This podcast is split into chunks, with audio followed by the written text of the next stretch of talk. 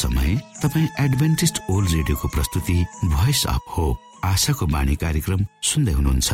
कार्यक्रम प्रस्तुता म रवि यो समय तपाईँको साथमा छु।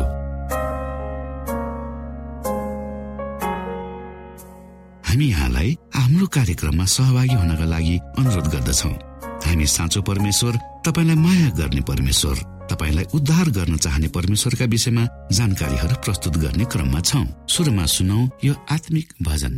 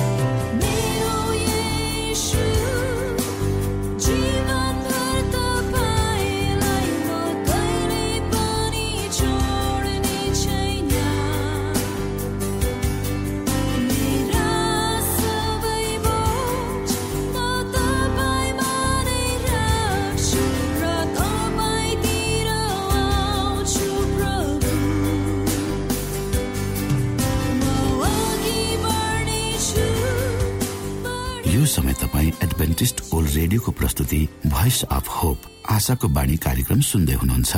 श्रोता मित्र यो समय हामी पास्टर उमेश पोखरेलबाट आजको बाइबल सन्देश सुन्नेछौ।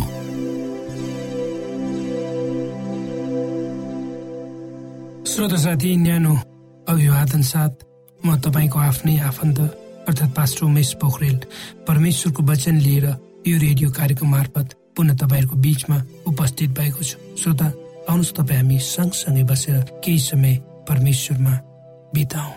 आजको प्रस्तुतिलाई पस्कनुभन्दा पहिले आउनुहोस् हामी परमेश्वरमा अगुवाईको लागि प्रार्थना राख्नेछौँ। जीवी जिउँदो महान दयालु परमेश्वर प्रभु हामी धन्यवादी छौँ यो समय र मौकाको लागि। प्रभु यो जीवनलाई हामी तपाईँको हातमा राख्दछौँ। यसलाई तपाईँले तपाईँको ला कामको लागि अगुवाई गर्नुहोस्। यो रेडियो कार्यक्रमलाई प्रभु तपाईँको हातमा राख्दछु यसलाई आशिष दिनुहोस् तपाईँको राज्य र महिमाको प्रचारको खातिर यसलाई यो देश र सारा संसारमा पुर्याउनुहोस् ताकि धेरै मानिसहरूले तपाईँको ज्योतिलाई यो कार्यक्रम मार्फत चिन्न सक्नुहोस् र तपाईँको राज्यमा प्रवेश गर्न सक्नुहोस्। सबै बिन्ती प्रभुको नाममा। आमेन।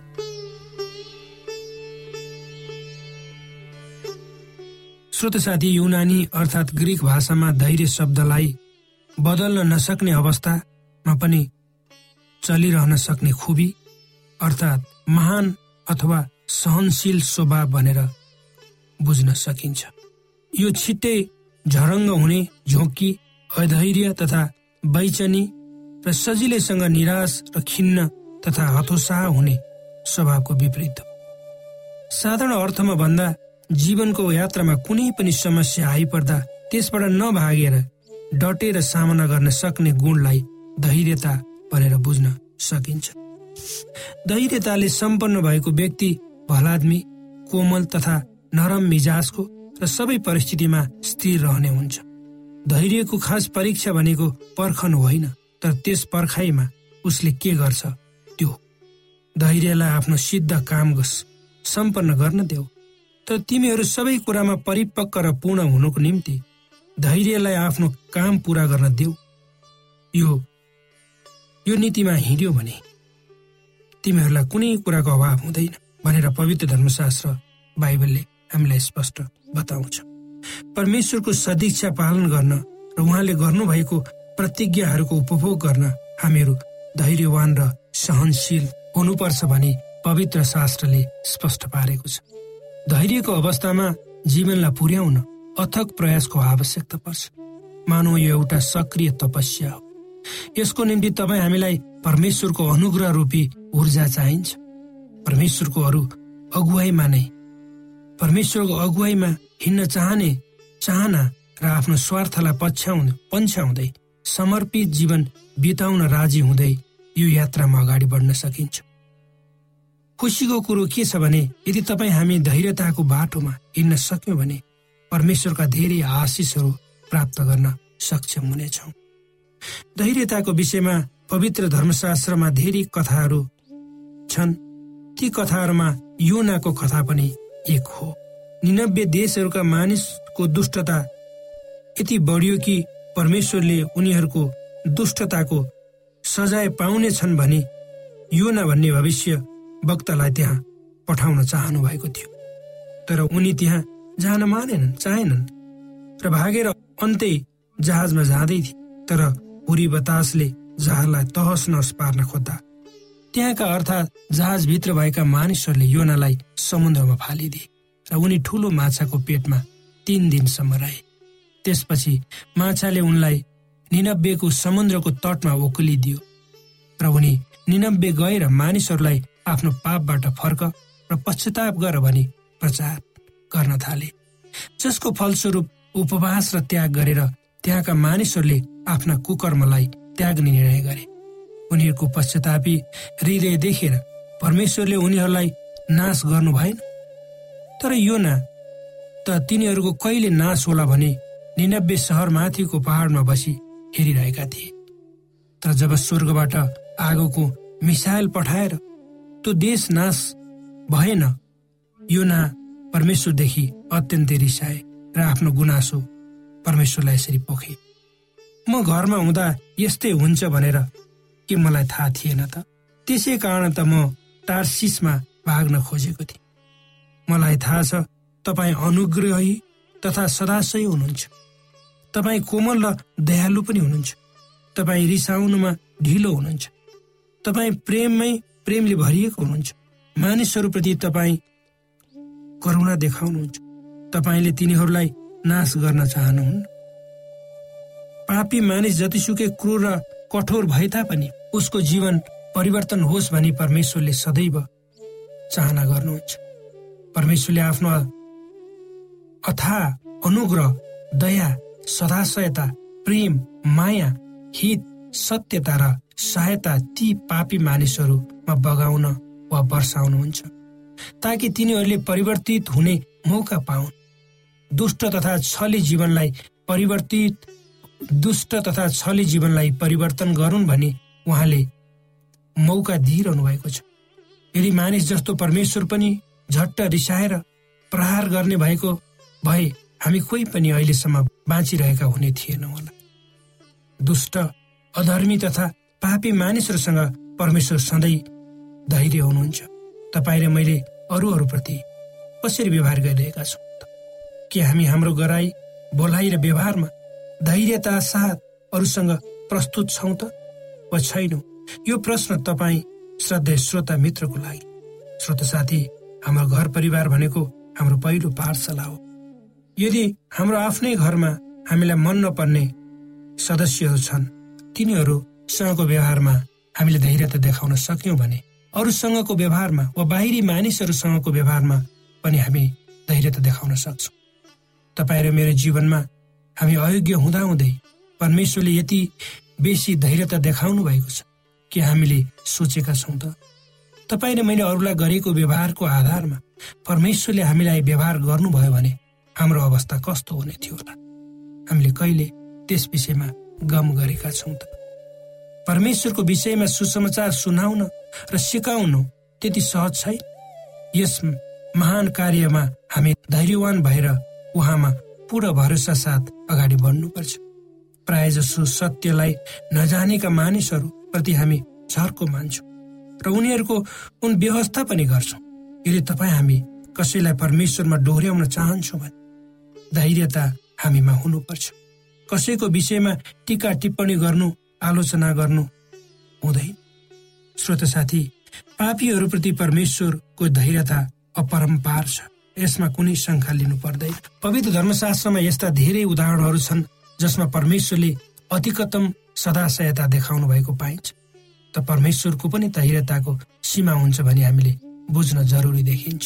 जब नोहाले जहाज बनाइरहेका थिए परमेश्वरले आफ्नो धैर्यता एक दिन दुई दिन वा एक वर्ष दुई वर्ष होइन एक सय बिस वर्षसम्म देखाउन्।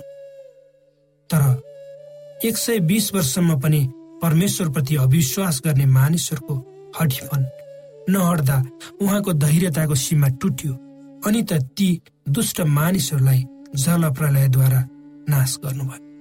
परमेश्वरको धैर्यतालाई मानिसले जाँच्न खोज्दा त्यो धैर्यताको बाँध टुटेर धेरै मानिसहरूले दुःख पाएको कुरा पवित्र धर्मशास्त्र बाइबलले भन्छ।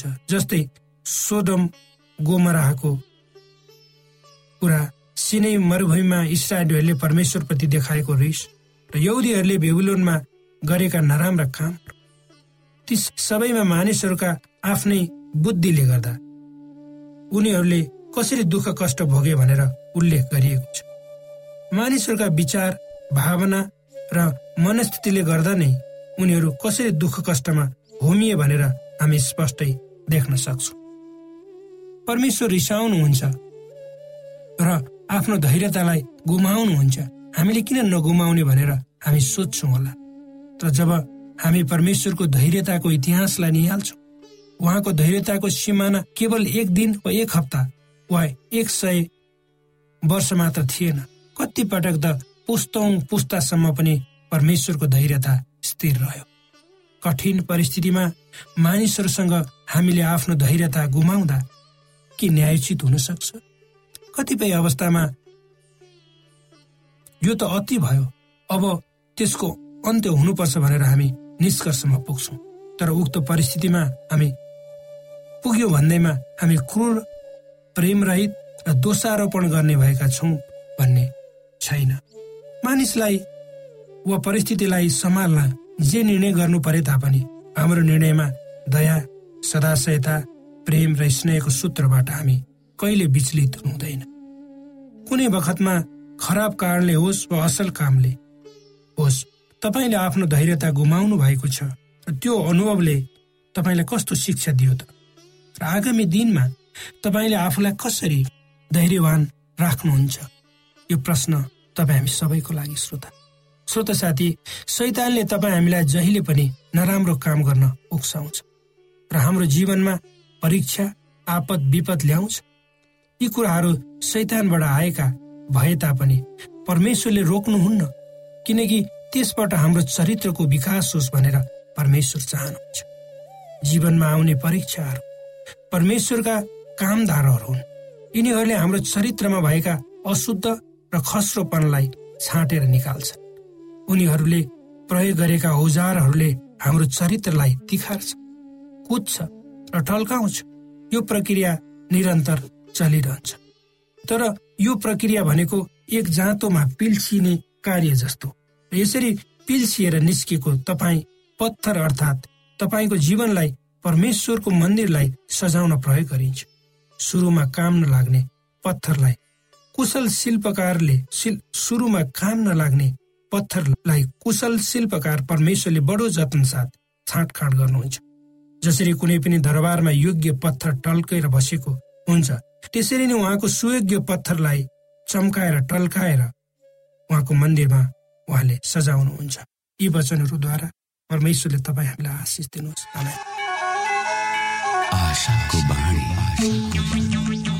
श्रोता भर्खरै यहाँले पास्टर उमेश पोखरेलबाट बाइबल वचन सुन्नुभयो। यो समय तपाईँ एडभेन्टिस्ट ओल्ड रेडियोको प्रस्तुति भोइस अफ होप आशाको बाणी कार्यक्रम सुन्दै हुनुहुन्छ। कार्यक्रम सुनेर बस्नुहुने सबै श्रोतालाई हामी हाम्रो कार्यक्रममा स्वागत गर्न चाहन्छौ। श्रोता मित्र यदि तपाईँ जीवनदेखि हरेस खानु भएको छ तपाईँका जीवनमा धेरै अनुत्तरित प्रश्नहरू छन् भने आउनुहोस् हामी तपाईँलाई परमेश्वरको ज्योतिमा डोहोर्याउन चाहन्छौ र तपाईँ आफ्नो जीवनका चिन्ता फिक्रीबाट निश्चिन्त हुनुहोस् र बाँच्नुको आनन्द परमेश्वरको सामिप्यमा कति मिठो हुन्छ त्यो चाख्नुहोस् भनी हामी चाहन्छौँ। श्रोता यदि तपाईँ आशाको बाणी कार्यक्रमलाई अनलाइन सुन्न चाहनुहुन्छ वा डाउनलोड गर्न चाहनुहुन्छ भने ओआरजीमा जानुहोस्। त्यहाँ तपाईँले प्रत्येक दिनको कार्यक्रम सुन्न र डाउनलोड गर्न सक्नुहुनेछ। हाम्रो वेब पेज यस प्रकार छ डब्लुडब्लुडब्लु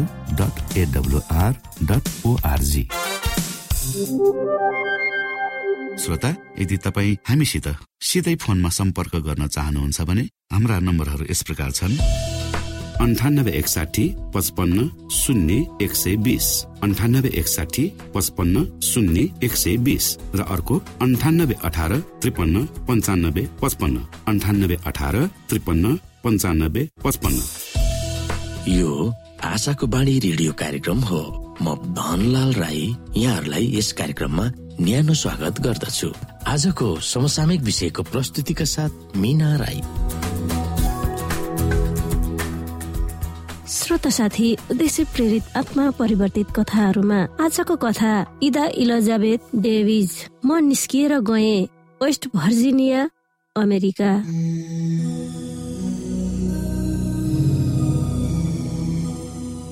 श्रोत साथी अमेरिकाको वेस्ट भर्जिनियामा बक्ले सहरमा सेभेन डे एडभान्टेज चर्च छ। म सानी छँदा मेरी हजुर आमाले मलाई प्रत्येक बुधबार बेलुका बाइबल अध्ययन गर्न मलाई त्यस चर्चमा पठाउनुहुन्थ्यो। अनि फेरि बिहान साबत चर्च जान धेरै टाढा हिँडेर मैले जानै पर्थ्यो। साबतमा मैले केही पनि गर्न सकेकी थिइनँ। त्यसकारण चर्चमा जानै पर्थ्यो र चर्चपछि फेरि हिँडेर घर फर्किनु पर्थ्यो। हामी सातजना दाजुभाइ र दिदी बहिनीहरू थियौँ। म सबभन्दा कान्छी थिएँ म हजुर आमाको घरमा हुर्केकी थिएँ। मेरी हजुरआमा कट्टर एडभान्टेज थिइन्। मैले छोटो जामा लगाउनु हुँदैन थियो। प्रत्येक शुक्रबार बेलुका मैले बाइबल पढ्नु पर्थ्यो। शुक्रबार घाम अस्ताएपछि शनिबार घाम नस्ताएसम्म कसैले पनि काम गर्नु हुँदैन थियो। आइतबारको अरू कुनै पनि चर्चहरूमा जान मलाई अनुमति दिएन। मेरो जीवन केवल स्कुल र चर्चमा मात्र सीमित थियो। जब म चौध वर्षकी भएँ तब म अरू दाजुभाइ दिदी बहिनीहरूसँग न्युयोर्कमा बस्न गएँ। त्यहाँ मेरा सामु ठुला सहर ठुला सपना र कसरी रमझमहरू थिए। मैले चर्च जान छोडे। कलेज पढेपछि मैले एउटा बिमा कम्पनीमा लेखापालको काम गरे र पछि सरकारको प्रख्यात वाल स्ट्रिट धितो संस्था अर्थात् स्टक मार्केटमा अडिटर अर्थात् लेखा परीक्षण भएर काम गर्न थाले। म आइतबार चर्चमा जान थाले मैले विवाह पनि गरिसकेकी थिएँ। अनि एक रात मैले सपना देखे म खेत जोत्दै थिएँ म सानी हुँदा मेरी हजुरआमाले उनको बारीमा ट्र्याक्टर लगाएर खनाउनु हुन्थ्यो मैले सोचे मेरी हजुरआमाको घरमा जान मलाई सपना दिएको होला भनेर मैले सोचे। मेरो श्रीमान र मैले एउटा घर बनाउन चाहेका थियौँ। मेरी हजुर आमाबाट पाएको जग्गामा नै घर बनाउने मैले निर्णय गरे। उनको देहान्त भएको पनि धेरै समय बितिसकेको थियो। सरकारी कर्मचारी भएका मेरा श्रीमानले वेस्ट भर्जिनियामा घर बनाउन त्यति चासो देखाएका थिएनन्। त्यही पनि जब हामी अमेरिकाको राजधानी वासिङटन डिसीमा काम गर्दै थियौँ। त्यही समयमा मेरै जग्गामा घर बनेको थियो। श्रोत साथी जब हामी कामबाट अवकाश भएपछि वासिङटनबाट बक्लेमा फर्केर आफ्नै घरमा रह्यौं। तर त्यस्तो राजधानी सहर छोडेर मेरो बाल्यकालको घरमा म किन फर्के होला भनेर म सोच्न थाले। मैले केही नयाँ साथीहरू त बनाए तर मैले प्रभुसँग सोधे होइन म यस ठाउँमा किन छु? अनि एक दिन बाइबलको भविष्यवाणी सेमिनारमा भाग लिन मैले एउटा निम्तो मेरो बाकसमा पाए। मेरा नयाँ साथीहरूलाई मसँग आउन अनुरोध गरे तर तिनीहरू मानेनन्। पछि म आफू एक्लै भए पनि जान्छु भनेर निर्णय गरे। सेमिनारको चौथो रात प्रचारकले प्रकाश र दानियलको पुस्तकमा उल्लेख गरिएको पशुहरूको बारेमा व्याख्या गरे। अनि म त पहिलो पल्ट एडभेन्टेज सुसमाचार प्रचारकको कार्यक्रममा भाग लिइरहेको पो रहेछु भनेर थाहा पाएँ। जब मैले सुरुमा कार्यक्रममा भाग लिएँ तब म एडभेन्टेज सुसमाचारीय कार्यक्रममा भाग लिएको छु भनेर मेरो मनमा पनि आएको थिएन। अनि मेरी हजुरआमाले एडभेन्टिज शिक्षामा मलाई हुर्काउनु भएको मैले सम्झेँ र मैले एक्लोपनाको महसुस गरेँ। म कार्यक्रममा एक्लै थिएँ र मेरो एकजना साथी पनि मसँग आउन मानेका थिएनन्। मैले सोचे यदि मैले यो कार्यक्रममा भाग लिइरहे भने मैले मेरा सबै साथीहरूलाई गुमाउनु पर्नेछ त्यसकारण जब कार्यक्रम सुरु भयो म उठेर हत्तनपत्त बाहिर निस्कन ढोकामा आएँ अनि एउटी महिला जसले मेरो नाउँ पहिलो दिनमा दर्ता गरेकी थिइन् उनले मलाई रोकेर सोधिन् तपाईँ कहाँ जाँदै हुनुहुन्छ? यी सबै कुरा मैले मेरो जीवनमा सुनिसकेको छु मैले जवाफ दिए। मैले मेरी हजुरआमाको बारेमा भने उनले मलाई कहीँ जान दिएकी थिइनन् केवल चर्च जान र बाइबल पढ्न मात्र अराउँथिन् मैले भने। तर यो केवल बहाना मात्र थियो तर मलाई नियास्रो लागिरहेको थियो र मसँग साथी भएको भए हुन्थ्यो भनेर मलाई लागिरहेको थियो। श्रोता साथी ती महिला जसको नाउँ नाओमी ट्रिकोमी थियो। उनी मुस्कुराइन् उनले मलाई स्वागत गरे मलाई लागिरहन्थ्यो। उनी बाइबल वर्कर थिइन् उनले मलाई बाँकी कार्यक्रममा आउन अनुरोध गरिन्। उनको त्यो मित्रतापूर्व व्यवहारको मलाई खाँचो भएको थियो। म आफू बसेको मेन्चमा फर्केर आएँ र महिनाभरि लामो कार्यक्रममा मैले भाग लिएँ। प्रत्येक बेलुका नाओमीले मलाई अङ्गालो मारेर मुस्कुराउँदै अभिवादन गर्थिन्। उनको कामको व्यवस्थाले गर्दा चाहेर पनि उनी मसँग बस्न भ्याएकी थिइनन् तर अब कोठामा म एक्लै छैन मेरो साथी छ भन्ने अनुभव मैले गर्न थालेँ। जब मैले प्रचारकले सुनाएका वचनहरू सुने तब मलाई मेरो बाल्यकालको सम्झना भयो। म फेरि सानी छात्रा भए जस्तै आवाज भइरह्यो। सानी हुँदा पास्टरले मलाई बाइबलका सत्यहरू सिकाउनु भएको त्यो पलहरूको पनि याद आयो। यी समय जब प्रचारकले बत्तिसमा लिन चाहनेहरू को को हुनुहुन्छ भनेर सोधे तब म पनि अगाडि सरे। मलाई म आफ्नै घरमा आएको छु जस्तो लागेको थियो। सेप्टेम्बर दुई हजार सोह्रमा सोह्र जनाले एडभेन्टिस चर्चमा बत्तिसमा लिए। त्यसमा म पनि एकजना थिएँ।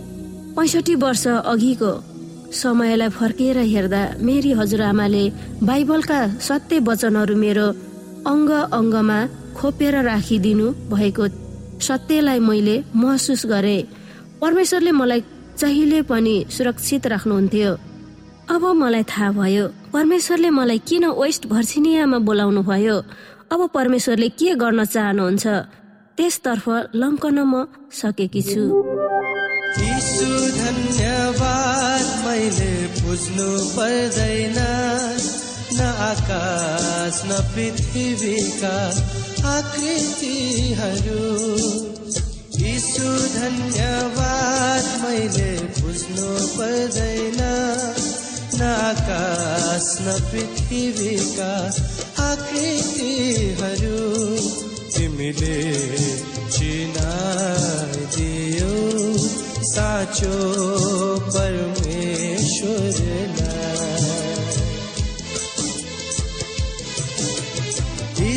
धन्यवाद